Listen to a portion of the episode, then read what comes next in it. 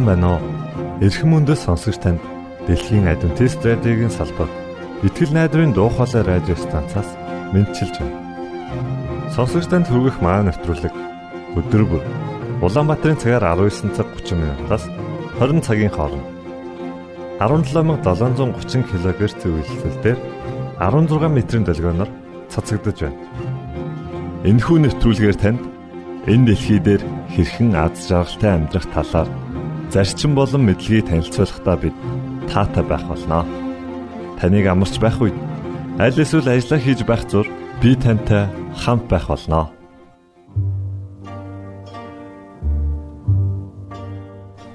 Энэ удаагийн нэвтрүүлгээ бид Silent Night хэмээх дуугаар эхлүүлж байна. Харин үүний дараа X үзлэл нэвтрүүлгийн цуврал дугаарыг хүлээн авч сонсноо. Ингээд хөгжмөдөө артн Thank you.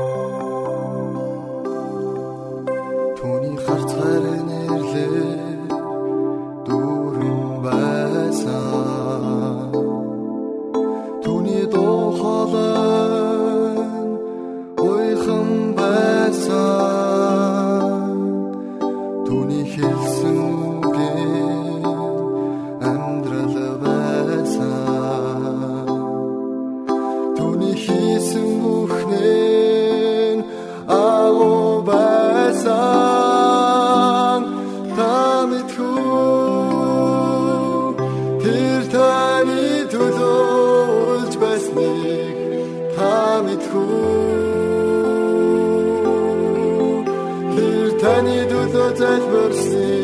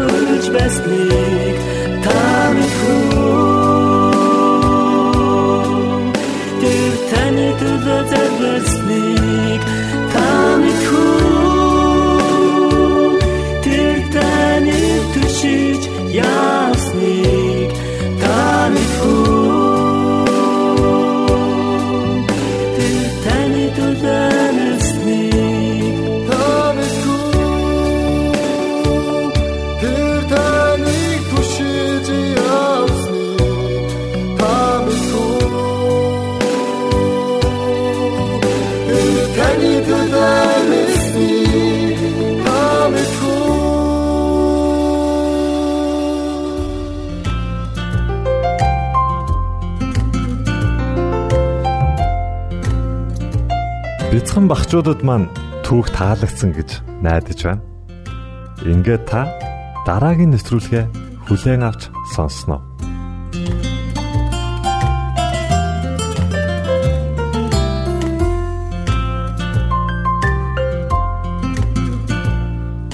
Гимшлийн үчил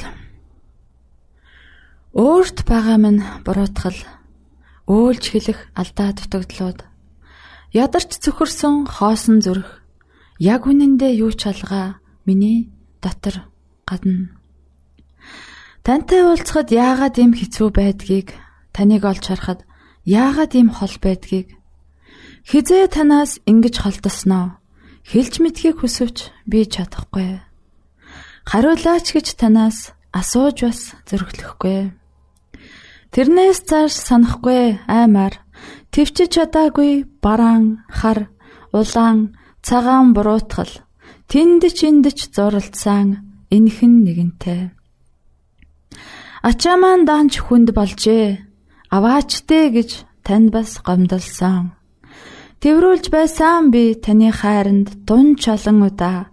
Тэгээд бүр үүрүүлж байсан таны нуруунд өдөр бүрэл Амтгүй байна гэж амьдралаа танаар бас амтлуулсан. Тэгээд хатуу байна гэж замаа хүртэл зөөллүүлж байсан танаар. Бэрх байна гэж буулгаа хүртэл танд өгсөн өгсөн буцаад ирэхэд байж байгаа ч гэд бурхан таныг би энд хүлээлгсэн. Хэрэг бурхан таны төвчээрт хязгаар гэж байдаг бол хязгаарт тань хүртэл таны гомдоосноо би мэднэ. Буцаж хизээч байгаагүй таны хайр Хувиршгүйг би бас мэдсэн. Буцаад намайг ирэхэд та хүлээлгсэн газараа байж л байсан. Ивэл гэж яг үнэндээ танд эргэн олдохыг олж харлаа. Ирээдүгэ гэж таны дотор дахин дахин хорогдохыг найдаж харлаа. Инрэл гэж таны өршөөлд дахин дахин багтахыг зүрх мэдэрлээ. Итгэл гэж таны твэрт бүхнээ бүрэн даатахыг анзаарч харлаа. Хизээч билээ хинэгнэн надад олоон жилийн өмнө хайртай гэж хацар улайтал хэлж байсан нь санагдна. Хийгээгүй буруугүй төлөө хачин хитсэн нь бүр төрхөн санагданаа. Харин өнөөдөр надад хизээч мартагдад сарнихгүй хаач намайг ичээж улаалгахааргүй эгэл хэрнээ эзэн химэн тунхаглагдсан игнишгүй харин бурхан надад гараа сунгаж байна. Яг одоо та тэр гарыг харж болно. Яг өмнө чинь Есүсийн халуун дулаан амар тайван оршихуй байна. Та ч үнээс хүртэх бүрэн эрэхтэй та зүгээр л гараа сунгаж түүнийг хүлээн аваа.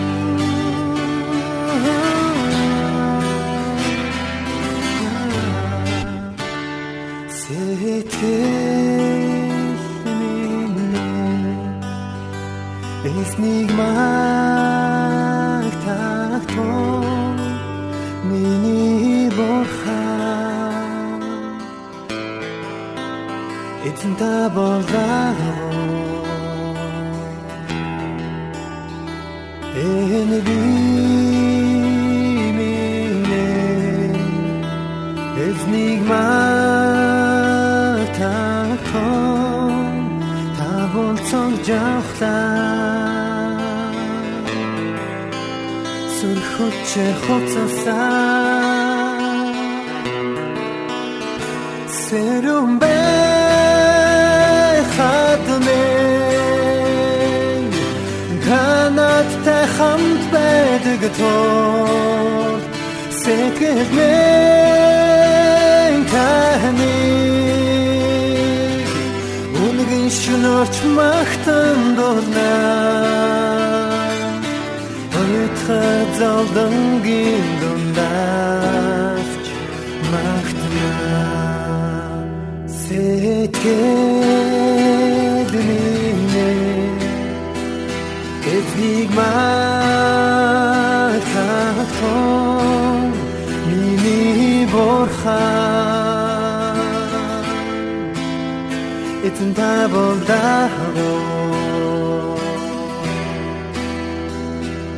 дагуу үнгийн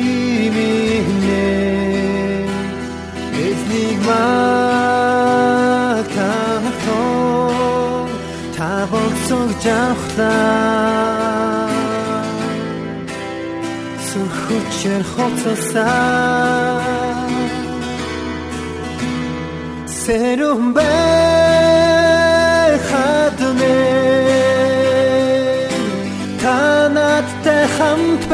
байдаг тоо сэтгэл минь таны.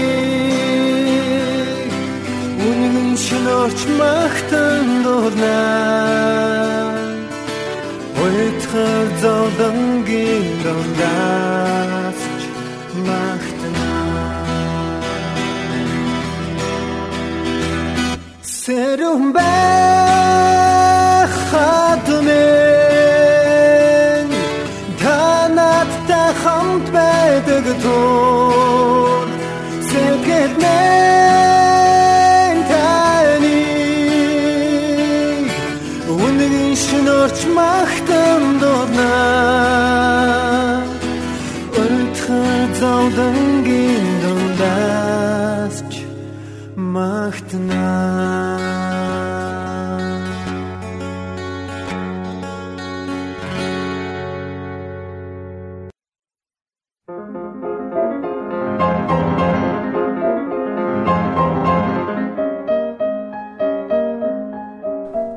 Уран зохиолын цаг.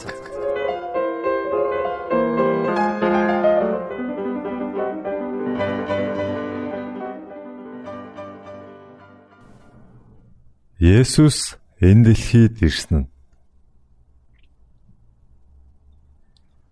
Галилийн уул толгодын дунд аших Назар хэмээх бяцхан суурьнд Йосеф Мари хоёр амьдран суудаг байв. Тэд Есүсийн дэлхийд ирэх эцэг эх нь болох болно. Йосеф бол Давид хааны удам. Тэр цагт Ромчууд ард иргэдээс татвар авах тушаал гаргахад Давидын хот болох Бэтлехэм рүү татвараа төлөхөөр Йосеф явах болжээ. Тэр цагт нааш цааш аялна гэдэг амар хэлбэр байсангүй. Мария нөхөртөөгөө Бэтлехэм явах Бартат өгсүр замаар явсаар ихэд ядарчээ. Хөөхий бүсгүй тухтай сайхан амрах газар хүрсэн гэж хичнээн хүсэж байсан бол харамсалтай нь ойтсон газарт нь дэм буудлууд хэдийнэ дүүрсэн байлаа. Баян эрх мэдэлтэй нэгэнд тогтой сайхан газар олдож байхад хөөхий энхүү даруухан аялагчд малын сарвч нь хоноглохоос өөр аргагүй боллоо.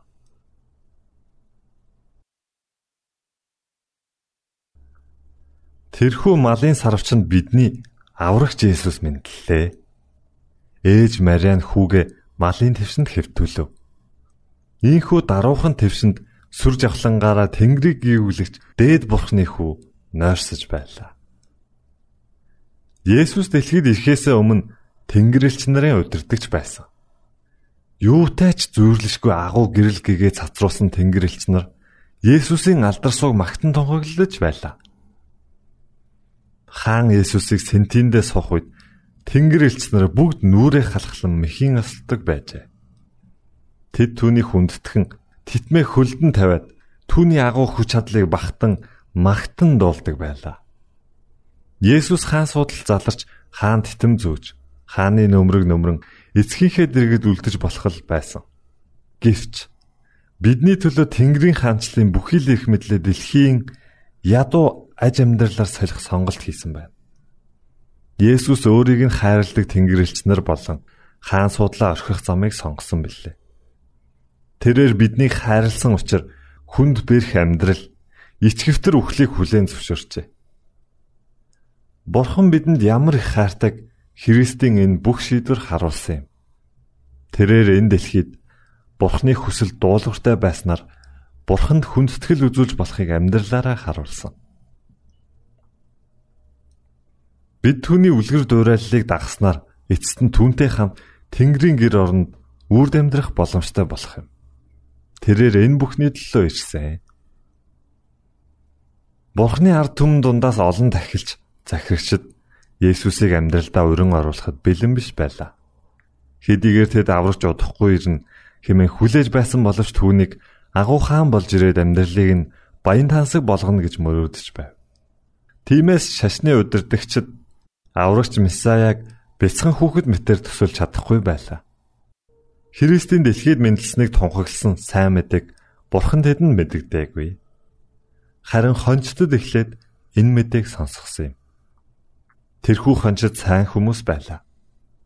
Хончид шөнөөр хоноо манахта амлагдсан аврагчийн тухай ярьж түүнийг эрх талаар чин сэтгэлээсээ залбирч байсан тул бурхан тэдэнд аврагч ирснийг мэдгэжээ.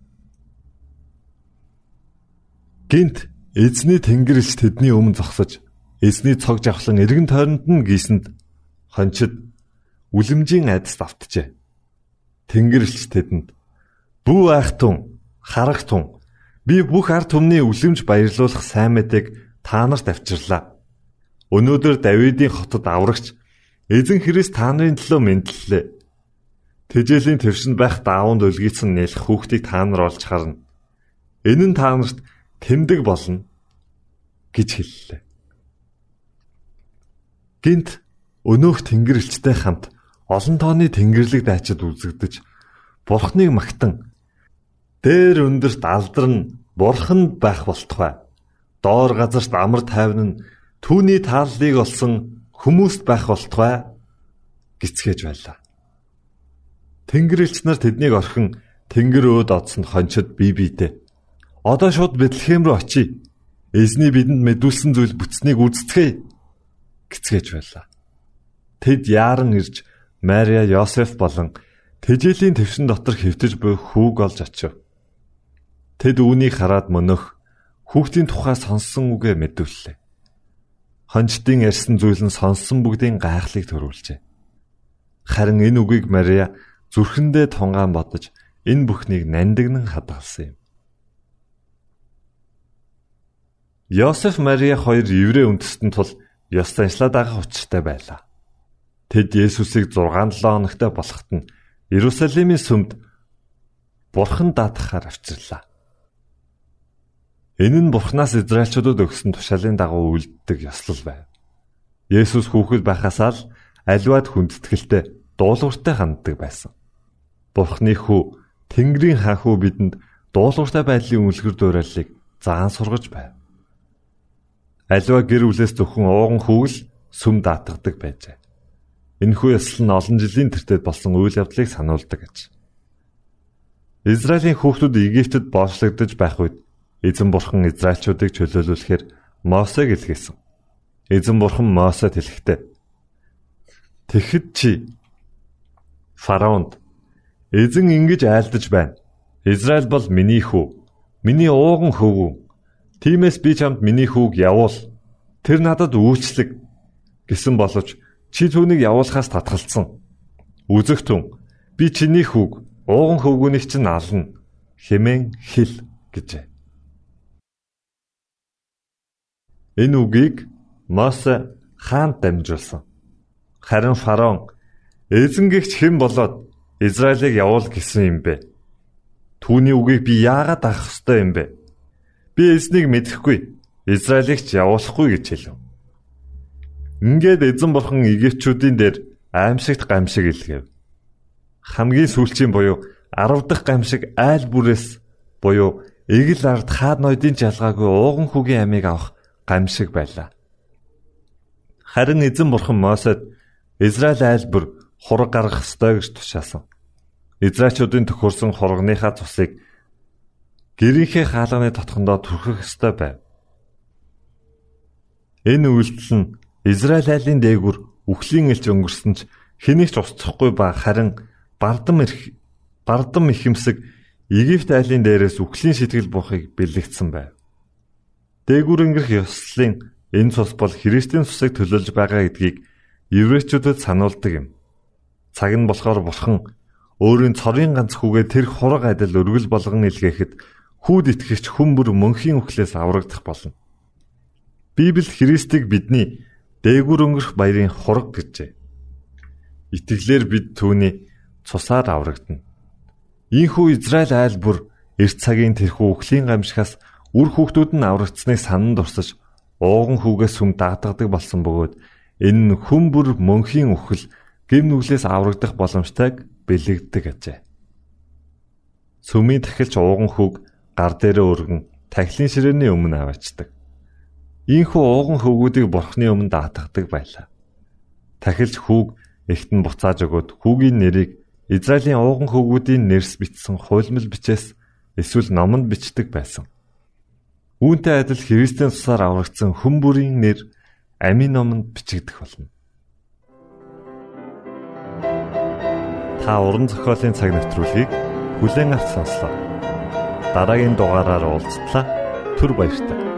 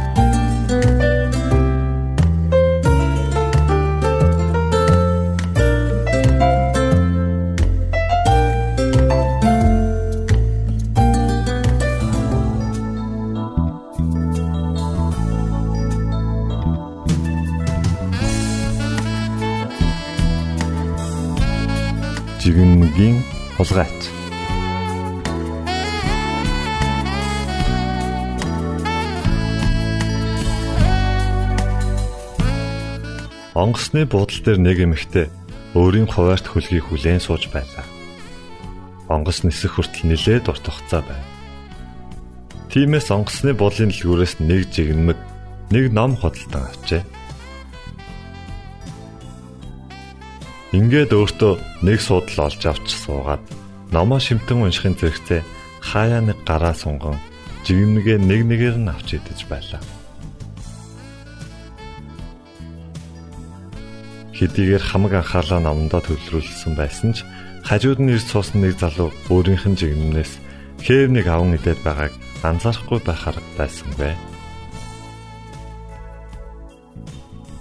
Залуу хээвнийг идээд байхаар нь бүр дургүй нөхөрч эхлэв. Хэрвээ би боловсон хүн биш байсан бол энэ залууг нэг сайн дэлсээд авахгүй юу гэж бодож байлаа.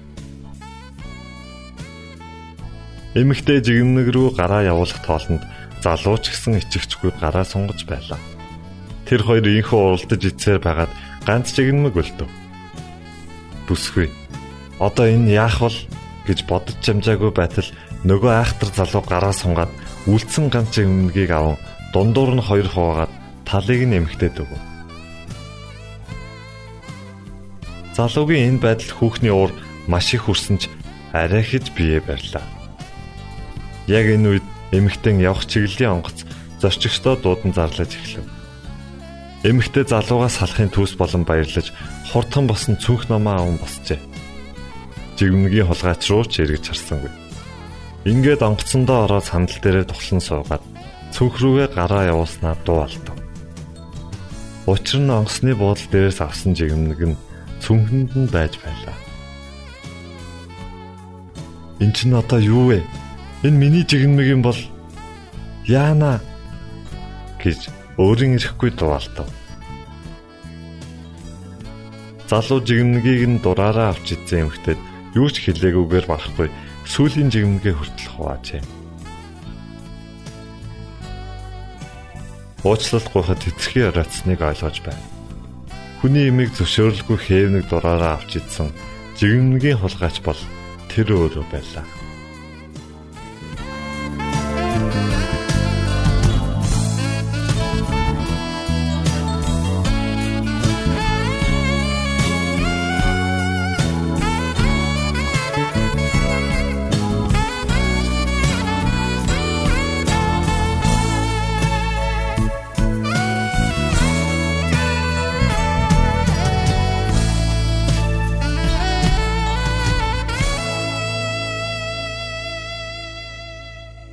Итгэл найдрын дуу хоолой радио станцаас бэлтгэн хөрөгдөг нэвтрүүлгээ танд хүргэлээ. Хэрв та энэ өдрийн нэвтрүүлгийг сонсож амжаагүй аль эсвэл дахин сонсохыг хүсвэл бидэнтэй дараах хаягаар холбогдорой.